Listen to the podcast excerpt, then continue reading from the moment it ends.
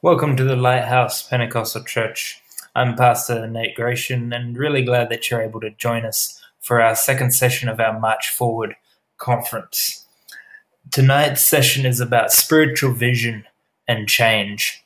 We're going to dig into this topic with missionary to Vanuatu, Peter Gratian. If you haven't heard the first session uh, from Friday night, Human Spirituality, definitely recommend going and listening to that. Then we've got two more sessions coming up after this. And uh, if you want the PowerPoints that go along with these sessions, jump over to our Facebook page. You can find them there uh, and you can download them and follow along uh, with the session. I pray this message touches you and that God speaks to you through this. God bless.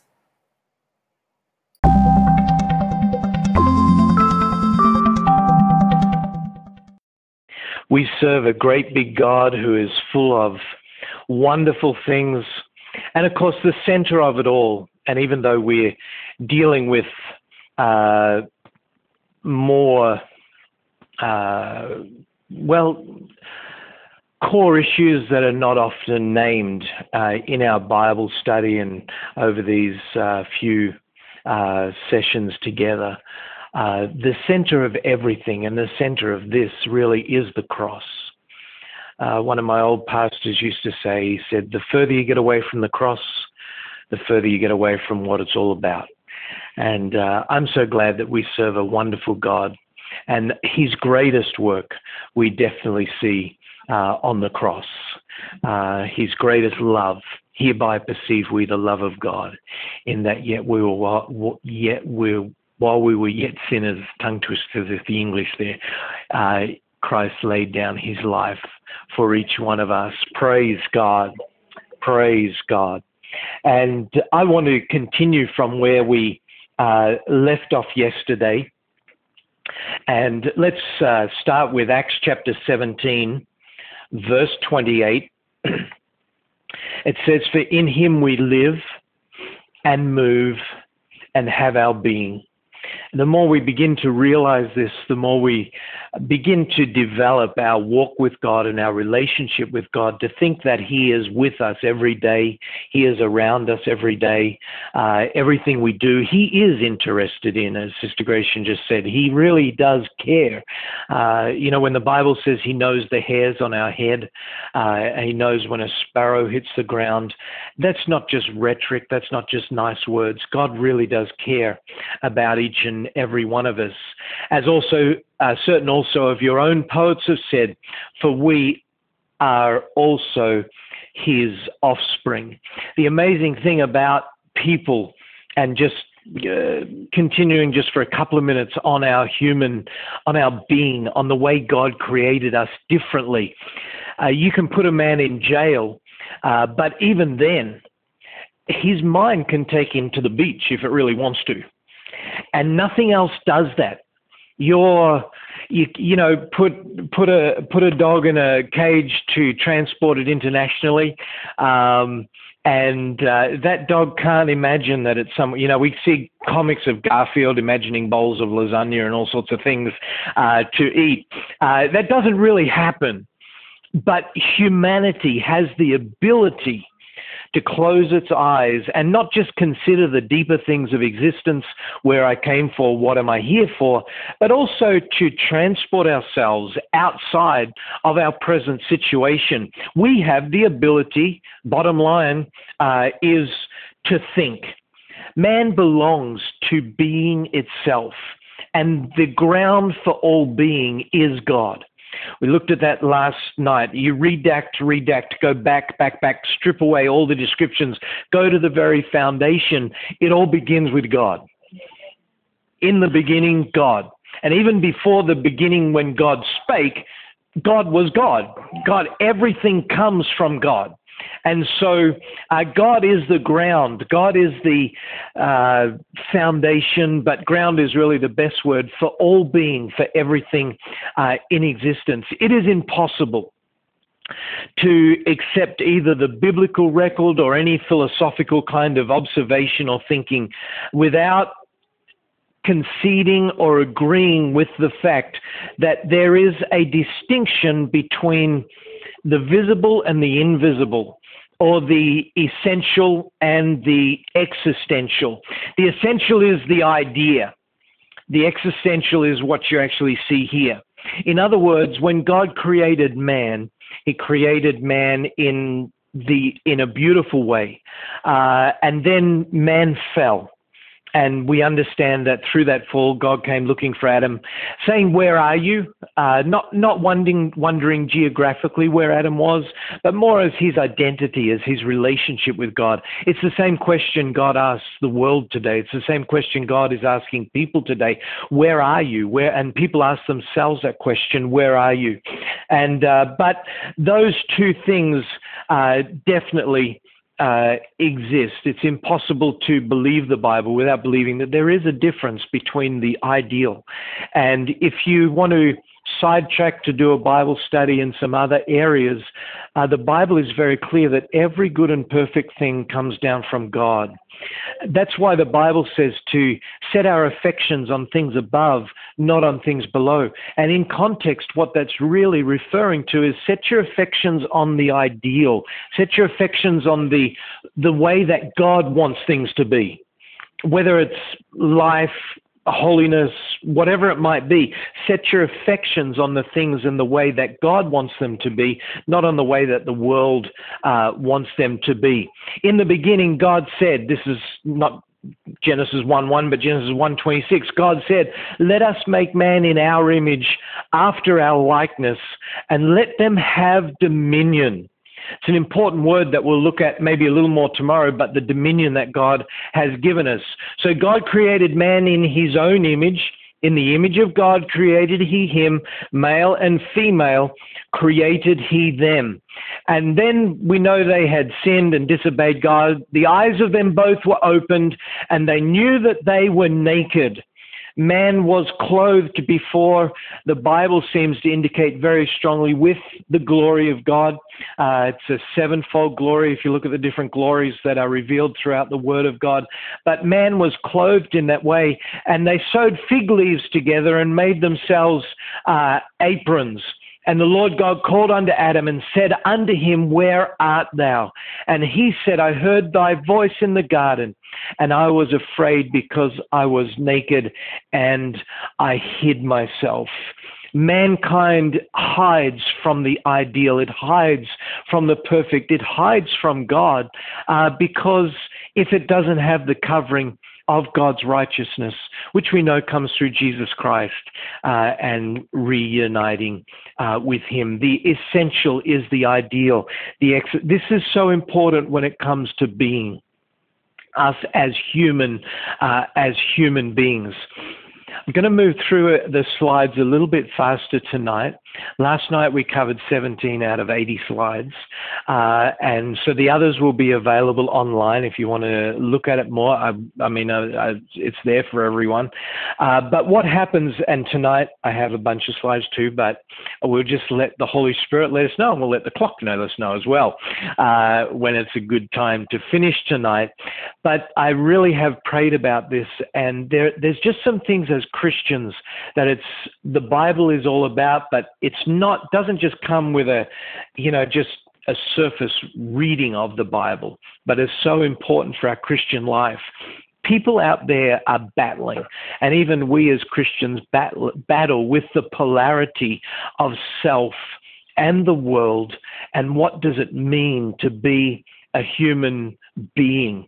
Polarity, the word polarity means the state of having two opposite and contradictory uh, tendencies, opinions, or aspects. In other words, as I mentioned yesterday, even the Apostle Paul said, The things that I want to do, I don't do. The things that I do, I don't want to do. Uh, and who's going to deliver me from this? Who's going to pull me out of this? Because that battle is there. And inside of humanity, not anything else, no other animal, but inside of humanity, there is that struggle, there is that pull of there's got to be more to life than this. There's got to be something beyond just existence as an object or as a uh, as as just an animal on two legs And that's where the church can step in. We have to show the world. We have to not just manifest, but be manifestors of the glory of God, of the power of God, of the ability of God to move in realms that the world is looking for. And they are spiritual realms, they are spiritual areas. People are not looking for another religion, they're not looking for more words. You know, our politicians have made us tired of words, our business people have made us tired of words, but they're looking for something real. And we have the answers, brothers and sisters. We have the answer to what is real, and that is God. But we can't just tell them because they have no reason to believe us. They have to see it. They have to feel it. They have to know the Holy Ghost is in you. They have to experience it. When they come to church, they have to experience it. They have to feel it. We have to have church in a spiritual element, in a dimension that goes beyond just that of the physical. The gap between these two poles of the ideal, the invisible, the perfect that God has in place for us, and where we are at in our lives is the distance between man and his ideal self. Many people strive for their ideal self simply at a physical level. Nathaniel is good at helping people to reach that and uh, to stay healthy at least. That's a good thing. Amen. Uh, but there's people strive for that ideal, but they're also striving for other ideals. They, there's something inside that says, This is what I should be. This is where I, I belong. This is where I need to go. And there is a gap. There's a gap between most people and where they really feel like them fulfilling who they really are they they they're like well, that's not really me. That's not who i really am. That's not that's not what i'm all about. There's more inside of there.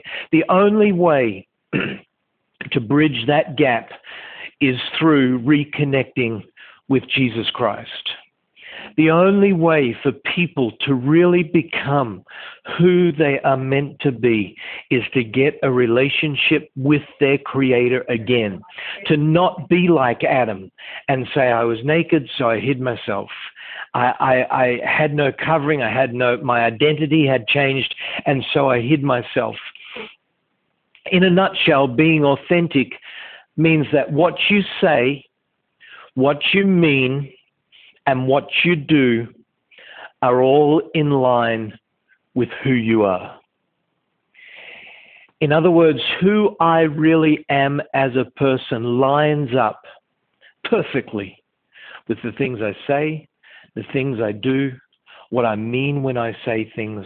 I'm not two-faced about life. I'm not. Uh, I'm not trying to impress somebody. I'm not saying something just because that's what I think someone wants to hear or that's what I think uh, is supposed to be said. But becoming not an arrogant person, but a person that is genuine and authentic. And in the church today, in Christendom as a whole, too many times the world has been able to point its finger at the church and say, "You guys are hypocrites." And a hypocrite basically means non authentic. We might say one thing on Sunday and then say something else on Monday. That's not what we want to be. Amen. And as a church, as a Christian, we just be who we are, be who we're meant to be, uh, be what God has planned for us to be authentic. When you find someone that what they say, what they do, how they act, they're real all the way through. They're authentic in what they do, how they act, what they believe. There's, you know, they're not going to say something different when you're not there and all that kind of silly stuff. When you meet someone like that, you're going to like that person. And if you're not going to like that, per- if you if you don't like that person, then it's that's not going to be a problem. Uh, because they'll have their authentic path of life and you'll have yours. And not everyone meets everywhere. Being wherever it is found in this world is distorted within its actual self. There is no human that is perfect. There is no person walking this globe that is exactly what God wants them to be. And the bigger that distortion, the bigger that gap, uh, sometimes the easier it is to spot. But Jesus Christ is able to bridge that gap. He is able to, there's lots of little phrases that people use. He's able to fill that gap, that missing part in people's lives, uh, and take us towards that. When we die and go to meet Him, or when He returns, whatever it is, we will be changed and then it will become perfect. Praise God. And so, reconnection with Christ is the source.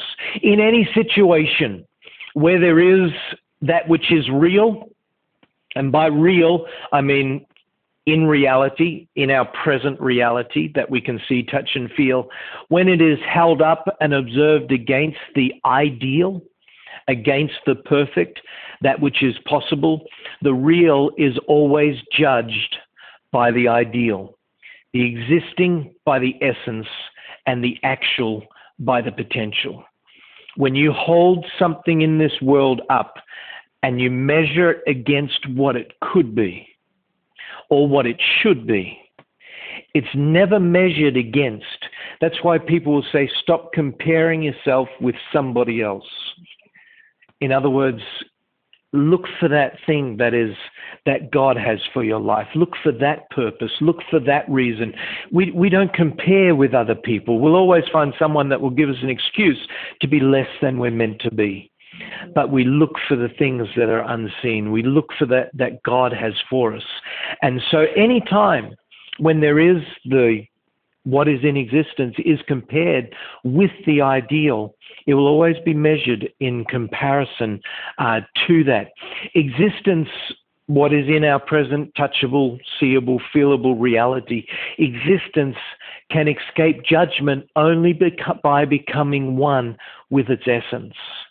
In other words, for us, to be what God wants us to be, we have to identify with Jesus Christ. He was the perfect manifestation of God.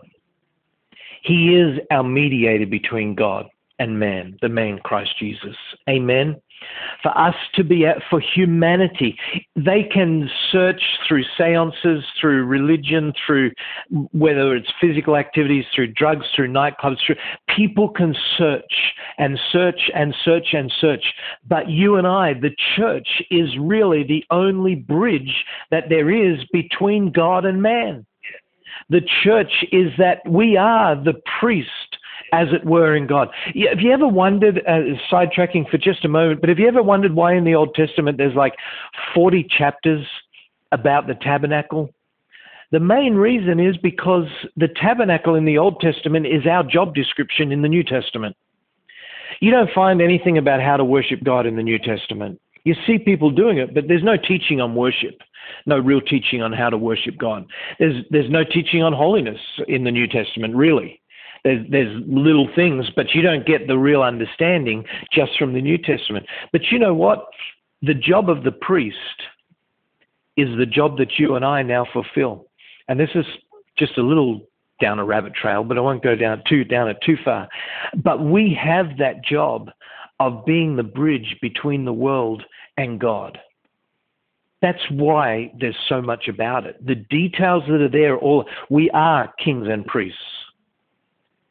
We're not the high priest. Jesus Christ is our high priest. But we are the ones that move through and help bridge that gap. That's why there's so much about it. There's only like two chapters on creation chapter 3 is a repeat of chapter 2 in Genesis.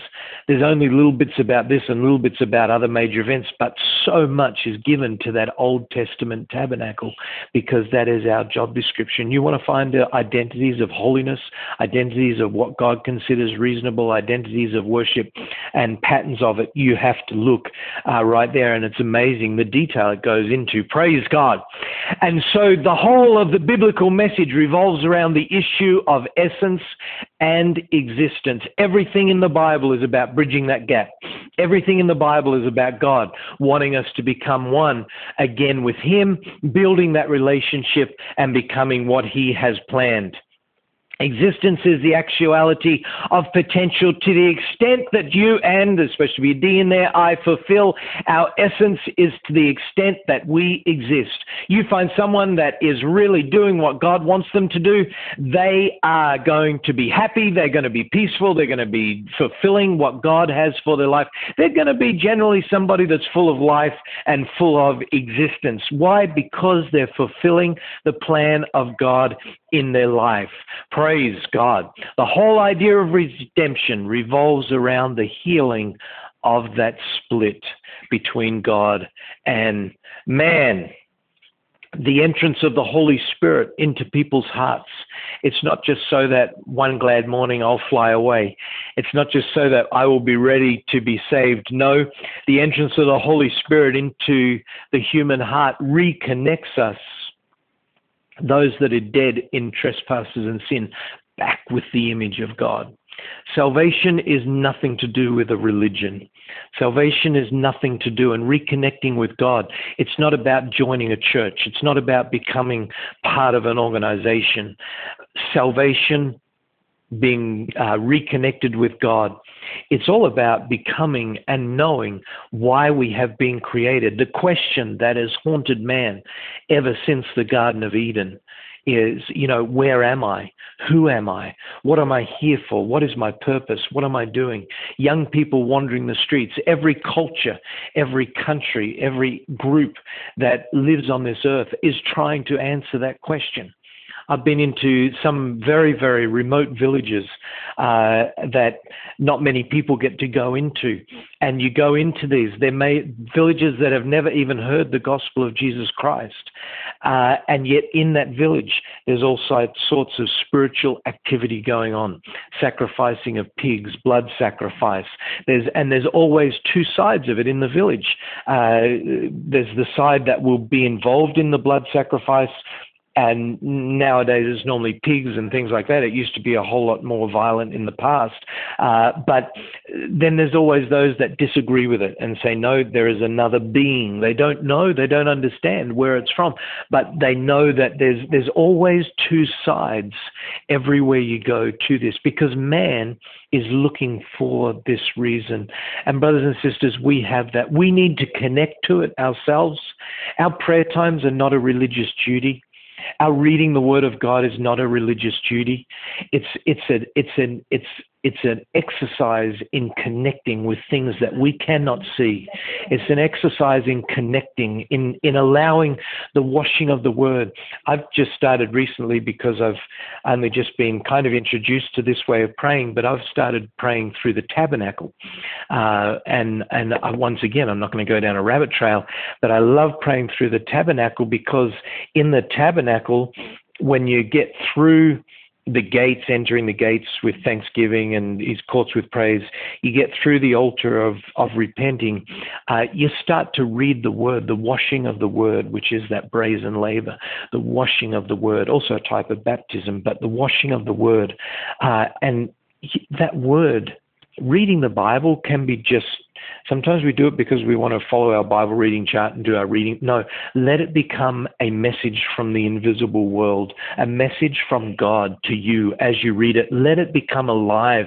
It's not just a book. It's been, people have tried to destroy it over and over and over again.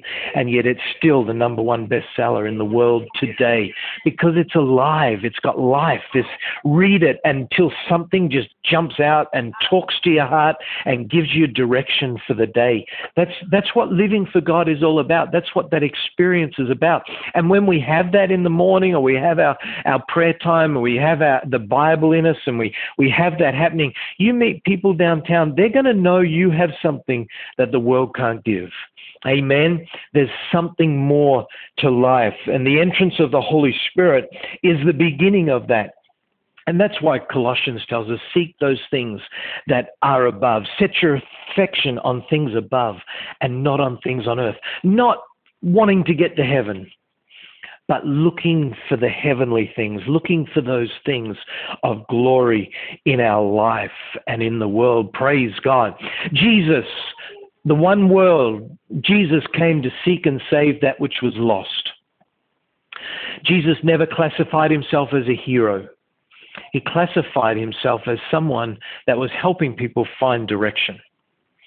The one word theological definition for death is separation.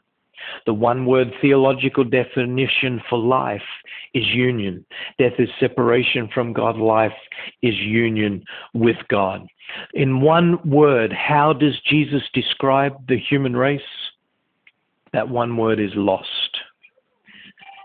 If you asked he doesn't he doesn't describe us it's all good. He doesn't describe us as pathetic. He doesn't describe us as failures. He doesn't describe us as, you know, the many times the words that we use for each other. But when God thinks about humanity, it comes back to that phrase, Adam, where are you? It's like, so and so, where are you? Where are you in life? Where are you in your relationship with me? Where are you? And if we fix, you know, many times we're looking at others and we're trying to help other people, but if we fix ourselves, that's the best first step to fixing others and helping other people in our circle of relationship reach their wholeness and improve that relationship. when he declared man is lost, it wasn't a threat, but rather it was an example. It's a definition of condition people are looking for answers. They'll go and sit on the top of mountains. They'll go on long treks uh, to holy places. They'll go on long fastings. They'll go and seek spiritual guidance. They'll go to all sorts of places looking for the answers. And yet, Jesus is, we know, the answer. He is then lost humanity is lost just like a little boy wandering through the forest, wandering out somewhere in the desert that can't find the direction, looking. That's what man is. We don't judge man. We don't say they're good, they're not good, they need this, they need. No, mankind is looking for answers. The alcoholic on the corner on the street is lost. The young person taking drugs is lost. The world is lost. Jesus came to seek and to save them which are lost. And so uh, that's how God looks at people out there. And if there's areas in our life as Christians that we feel lost, we're not sure, let me encourage you spend time talking to God and getting close to Him, and He will help us to find the way. Because we might have been baptized, filled with His Spirit, repent, but there's still areas in our life that we're still looking sometimes and saying, what is the answer for this? What is the purpose? What is the direction I'm meant to go here?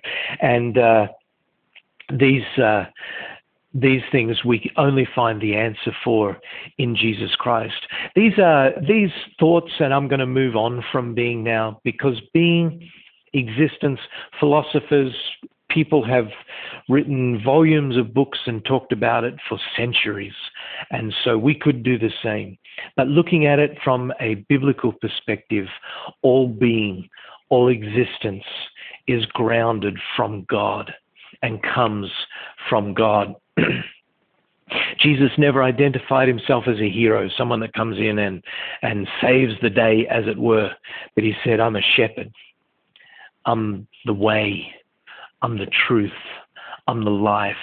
Not someone coming in to suddenly be a hero and rescue everyone, but someone coming in to help guide and lead people to find the direction and purpose in life. I'm glad that Jesus did come to seek and to save the lost. Amen. Praise God. Spiritual formation.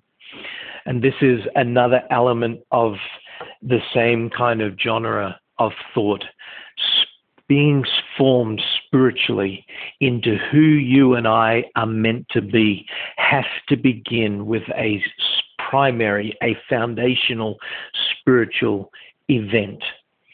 Paul or Saul on the road to Damascus is a perfect example.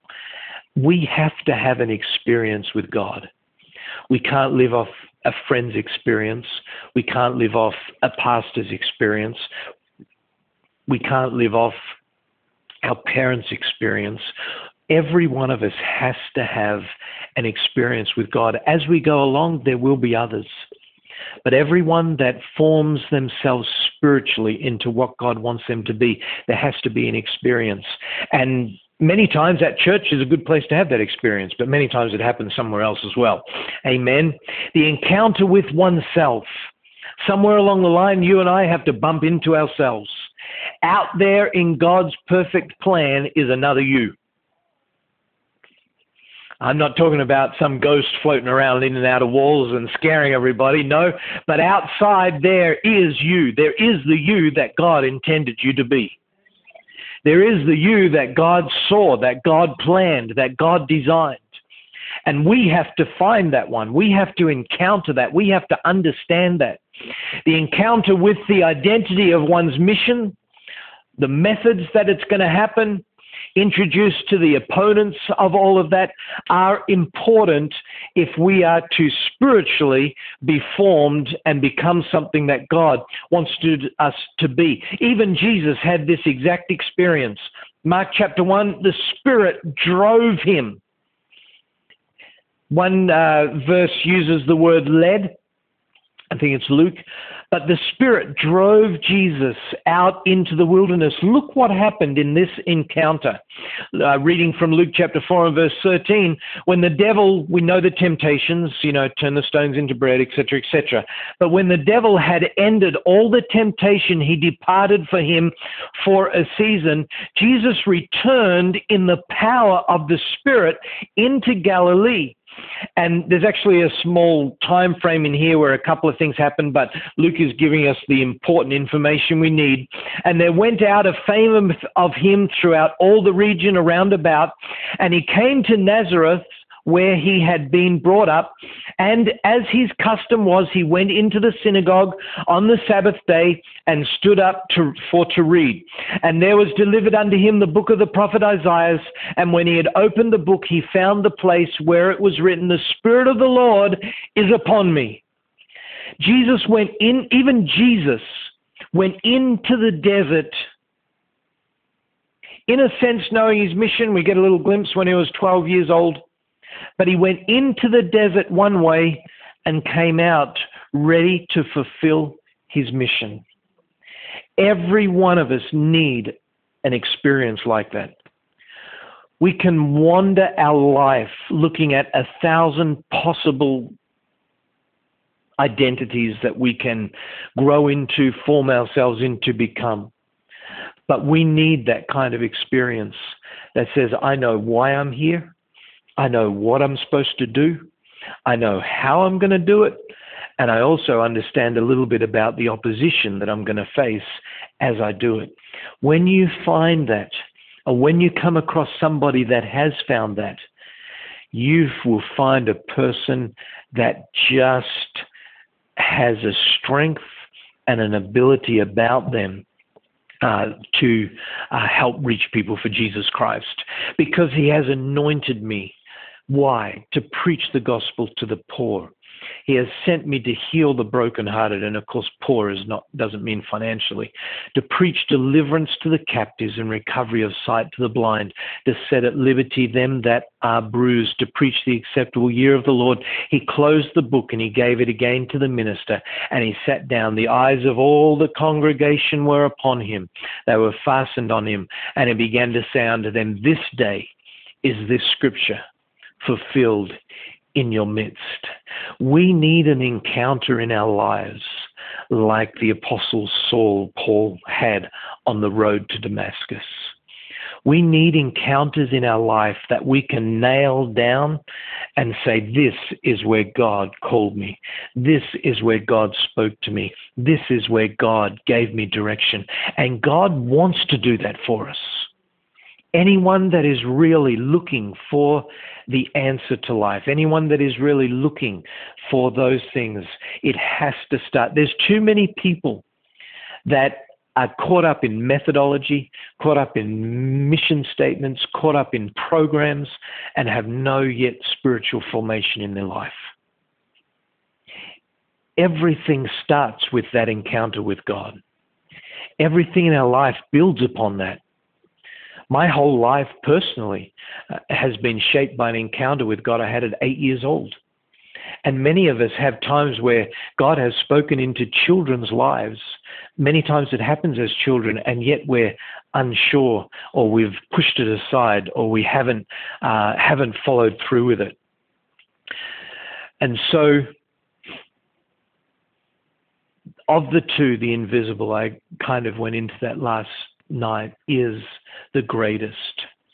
Because effective action is normally the final goal, focus is usually placed on action. Businesses spend hours trying to decide what they're going to do and how they're going to do it and when they're going to do it. But in our Christian life, it's not all about the action. Many times, action is not the answer.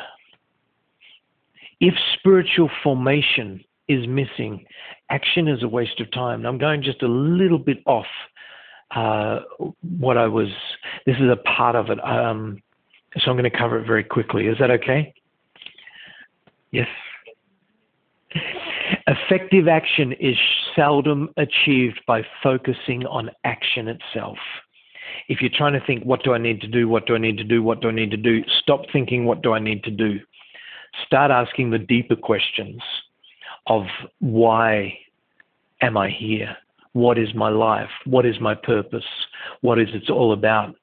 We have to grasp the invisible but and then it takes action to bring it out into place action is the intersection let me go back action is the intersection that brings any vision or anything from the invisible world brings it in action is required but within action itself there is not the power to bring about the reality that God wants. Action itself,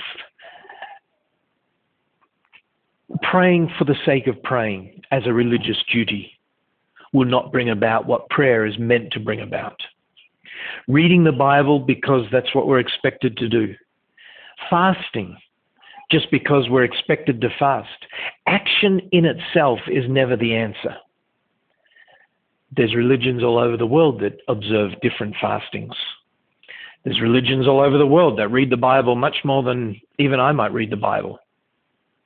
There's people all over the world that memorize scriptures, people all over the world that pay thousands of dollars to make holy treks to Mecca or pilgrimages to here and pilgrimages to there. Action for the sake of action is never going to hold the answer. You and I have to go deeper than that. We have to not not just doing it. We we might know what to do, uh, but just doing it is never going to provide the answer. Action alone does not contain within itself the answers needed to produce sustained effectiveness. For action to be effective, it must be empowered by precedence to action. There's things that have to come before the action. We can't just get up one morning and say, hey, let's go give out 5,000 tracts all over town. Let's, let's, let's be, you know, we have a joke in our, poli- in, uh, in political jargon that says, uh, uh, activity is a politician's substitute for achievement. And action is never a substitute for achievement. We can't just do it because we want to do it. The answer doesn't lie there. There has to be something before the action. And so, running backwards, many times people have exhausted themselves attempting through action to achieve the results they want. They rush here, they rush there, they rush the other place, they go the other place, they go the other place, and then just trying to get the results that they're looking for through action. Action is important. We won't get there without action. Amen. But action is the intersection that brings that invisible thing, that invisible purpose that God has for your life into existence. But if they're not connected, if they're not related, it simply becomes a problem. And so the last step is action. Before action, and I'm not going to go into each of these in depth, but then before action, there becomes a program so that the action is is organized. Before the program, and a lot of people stop right here, there becomes the mission. What is the mission? And businesses get caught up on mission statements. What is the mission? But if our action is simply born from a mission statement, and the mission statement has no precedence, we're just wasting our time just as much. We might have a mission, but is it God's mission? Is it what God wants? Does it have details? Is it is it specific? Does it come from so even before definitely before the action, definitely before any program, definitely before the mission, before the mission comes that vision. There has to be a spiritual vision, and this applies not just to churches or organizations, but this applies to us as individuals as well. There has to be a vision of what God wants for us to be, for us to accomplish, for where God wants us to go. And before that before all of those, there becomes that spiritual formation. Before we go action, before we write the program, before we do the mission, before any of those kind of things, there has to be almost the two that are always skipped over, but are yet the most important. There has to be a vision. But that vision cannot be a man made dream inside of someone's head. That vision has to be an encounter with God. That vision has to be an encounter with you as who you really are. That vision has to be this is who I am. And this is what I'm meant to do. And this is what I'm here for. And when we give our lives to God, we believe on God, we repent of our sins, we're baptized in His name, we're filled with the Holy Spirit. When that happens, that's the beginning of that journey of God reconnecting us with our purpose, with our identity, with our fulfillment in life. That spiritual formation is so important in each and every one of our lives. We cannot go anywhere without it. Where there is no vision, so spiritual formation can be born out of a desire to understand being, a desire to understand existence. If you're hungry for God, if someone is looking for God, God will never fail in meeting with you. Uh, and so that hunger, that desire, uh, will will often lead to a development of an event or a series of events that will bring around spiritual formation. And from there comes that vision. Where there is no vision, the people perish. If we don't have God's plan for our life understood, if we don't have God's plan and desire for what we're about understood, it will be futile. People are lost. But every great thing that has happened, that's why sometimes you see uh, businesses, for example, fail when they come to the second and third generation. The, the father had the vision the person, the mother and father that maybe migrated to Australia, they had a vision, they had a burden, they wanted to see something happen, they knew what they wanted to do, they they had that desire and the discipline and everything. Sometimes the the son will take over. You see it on some of these reality kind of business shows. The son takes over and it kind of starts to go down a little bit. And then if the grandson takes over, it's like the business that just gets sold and everything fails. Mainly not because they didn't know how to do it, not because they didn't have the technology and they didn't have the understanding, but the vision wasn't there. The, the whole foundation of what that business was built upon uh, sometimes has disappeared. And when we become Christians, old things are passed away, all things become new. And many times that brings change into our life. And I'll just spend a couple of minutes on this. Is that okay? Praise everyone okay? Praise God. Sorry to keep asking. That's a bad public speaking uh, uh, habit that we're taught not to do.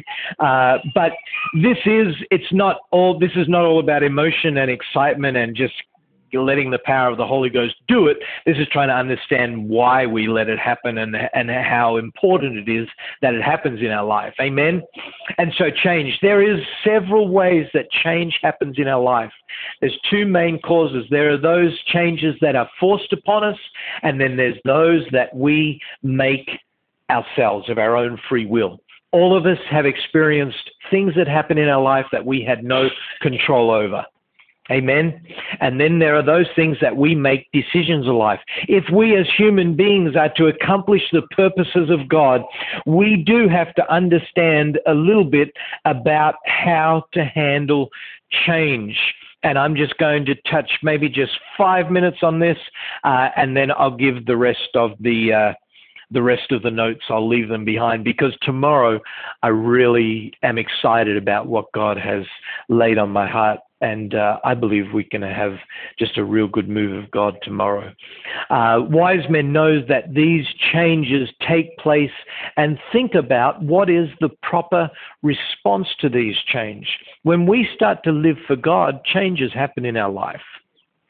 There's there's things some we understand, some we don't understand, some we do just because maybe someone that we admire or respect tells us that's what we should be doing. Uh, but changes begin to happen in our Christian life. How to deal with change, especially as if as a mature Christian, as we've learned about God and the fact that He in essence doesn't change, how to deal with change from the perspective of the unchangeable can be a challenge, but growth demands change. Anyone that goes through life is going to face change. I'm not sure of the little child's name, but what, what's okay? They're going to learn to walk. They're going to have to go to school.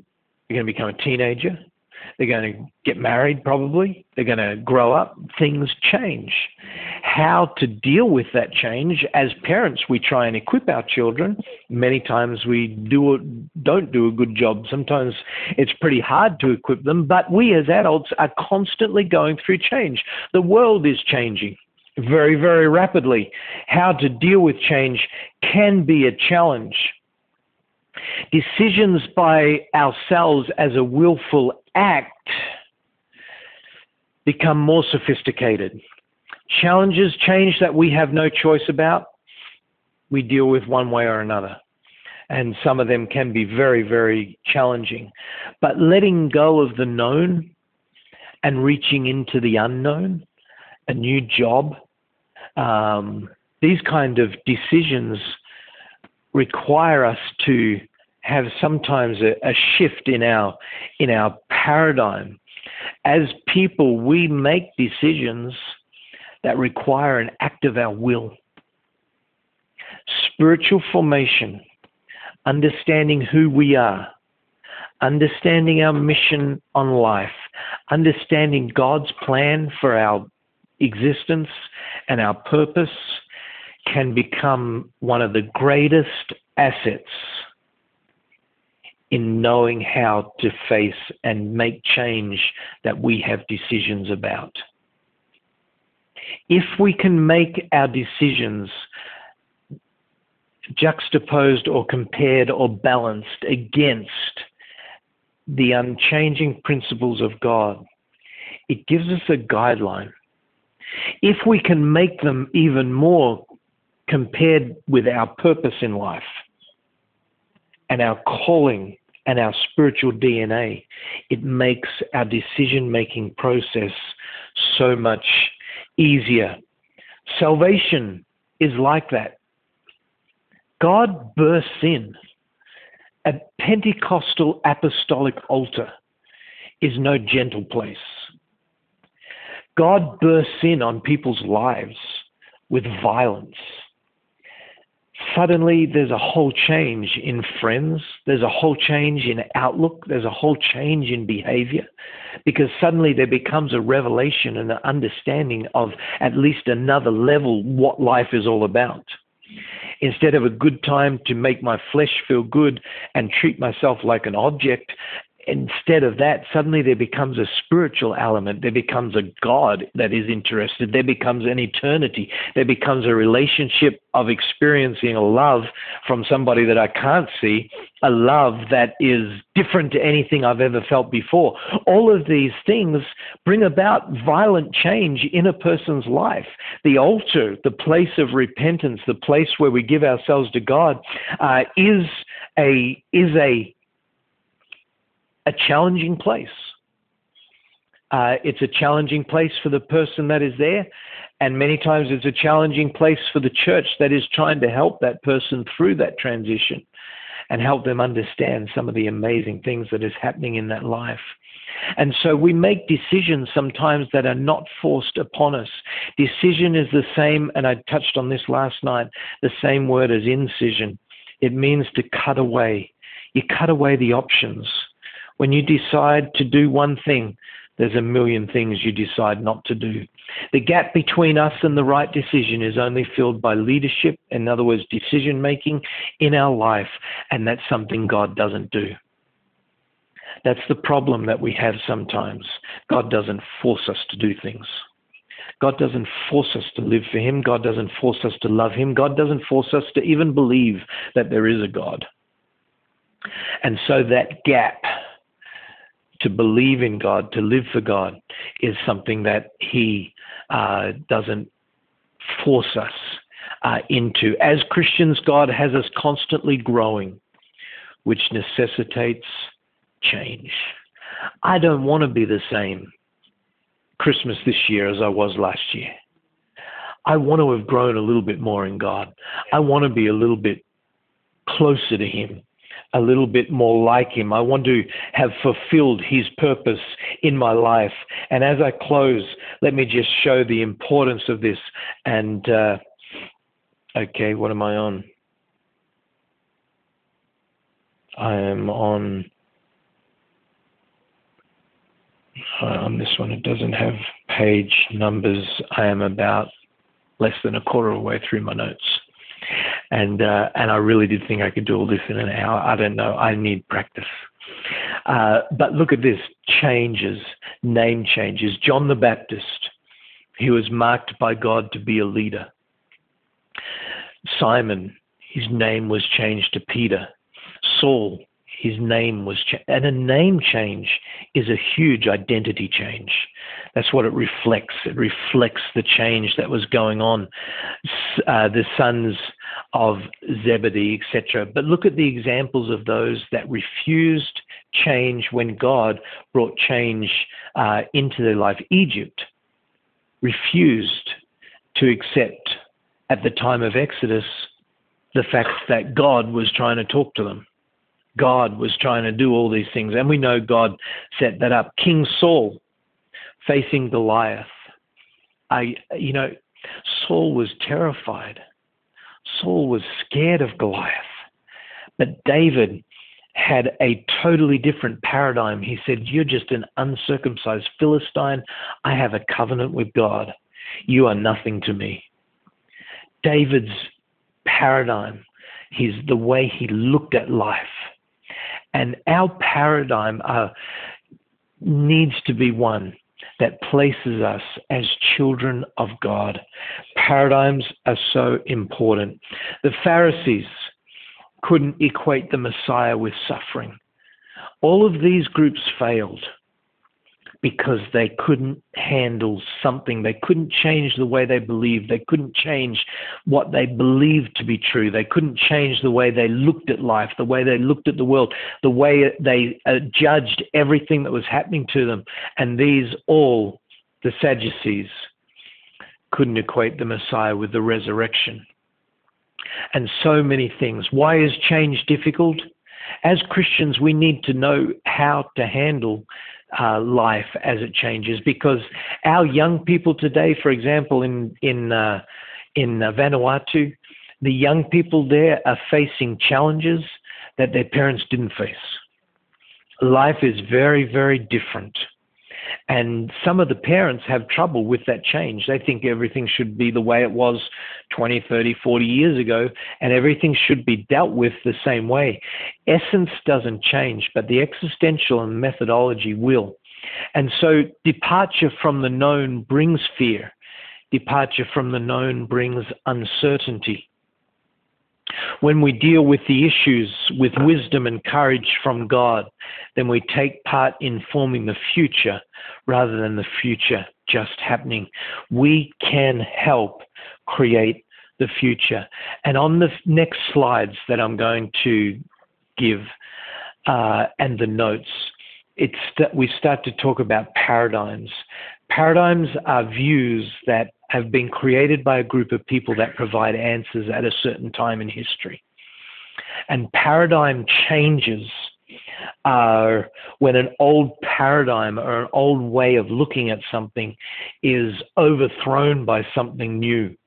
Paradigm changes are things like when we went from analog to digital, uh, things like that. The way the world is seeing things, you see we just sometimes we just call it advancement, but but the paradigm you're seeing a paradigm shift in communication amongst uh, people in the world today. It's a huge view, and and some people struggle with. It. They say no no no uh, I don't like this and I don't like that and I don't like the other thing. Well, it's not going to go away.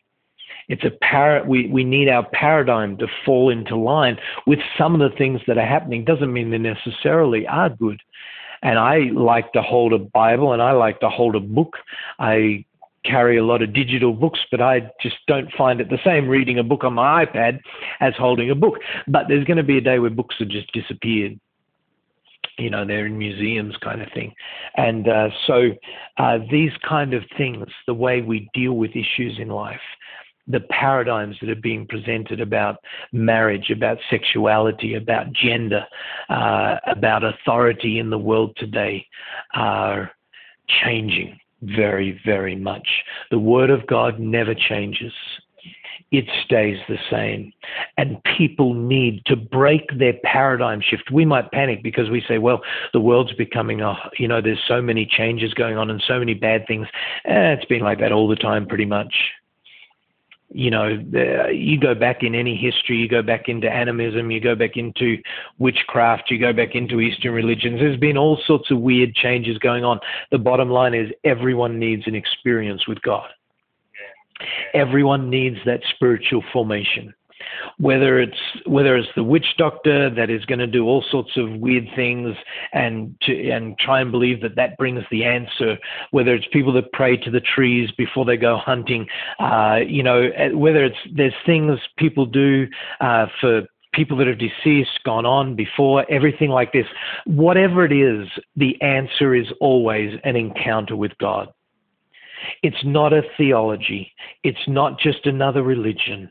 Uh, we, if we, and if you, if you and I as individuals haven't had that encounter with God, I encourage you tonight, start to seek that encounter with God don't don't go looking for a church or whatever. Churches are great; they help us. They're meant to help us, and I believe that this church is is designed to help people have that encounter. We need each other. We need help during that journey. But look for that encounter with God. Say, God, I need an answer to this. I need, I'm I'm not going to be satisfied until I find the answer. And if you are genuine, you might even be headed in the totally wrong direction like the like Saul was. God will meet with you. If you are genuine, he will meet with you. And from that spiritual formation, from that moment, the rest of your life, you'll be comfortable forming it and finding the answers to things. Praise God. I will give the rest of this for you to look at in your own leisure if you want to sometime. God bless you. Thank you for being patient tonight. And uh, I am looking forward to tomorrow. God bless you. Praise God.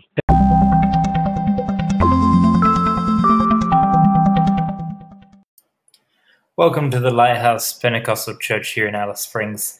I'm Pastor Nate, and tonight is our second night of our March Forward conference with missionary Peter Gratian. Tonight we're going to talk about the subject spiritual vision and change. If you haven't heard the first session, I definitely recommend you go uh, listen to the first session and then come on to this session. But uh, it is it is just amazing what is in the Word of God for us.